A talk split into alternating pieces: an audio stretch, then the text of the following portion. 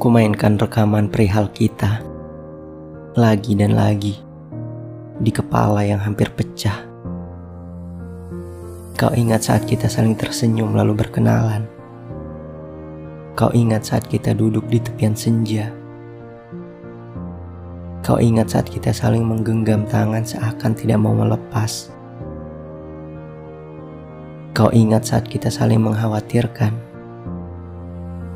Kau ingat saat kita dipisahkan jarak.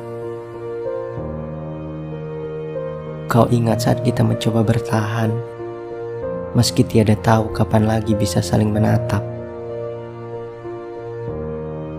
Kau ingat saat kita saling mengingatkan untuk mengingat satu sama lain. Kau ingat saat kita menjadi jarang berbincang. Kau ingat saat kita semakin menghilang.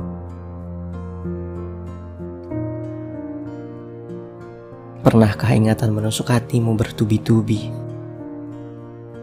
Pernahkah rasa bersalah mengejek dan menertawakanmu? Mati-matian kau tutup telinga, namun suara-suara itu malah semakin kuat berteriak. Aku pernah, bahkan sering, setiap hari setelah kejadian itu, Bagaimana jika kesalahanmu bermula karena kesalahanku? Bagaimana jika ketertutupanmu bermula karena ketertutupanku? Ketika tangan tak diciptakan berpasangan, ketika kita dihadapkan pada pahitnya pilihan, adakah rasa yang diciptakan untuk menjadi dosa? Bukankah sudah kuselipkan namamu dalam doa? Purnama enggan menjawab. Sementara mentari bergerak laksana keong semenjak kita tidak lagi saling menyapa. Terlalu lamban hari-hariku berganti.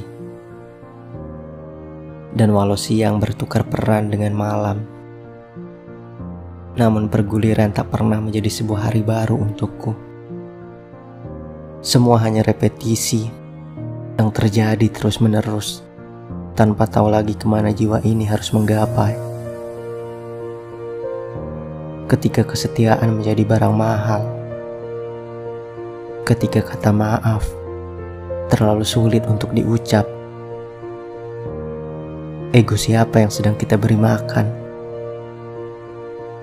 Entah.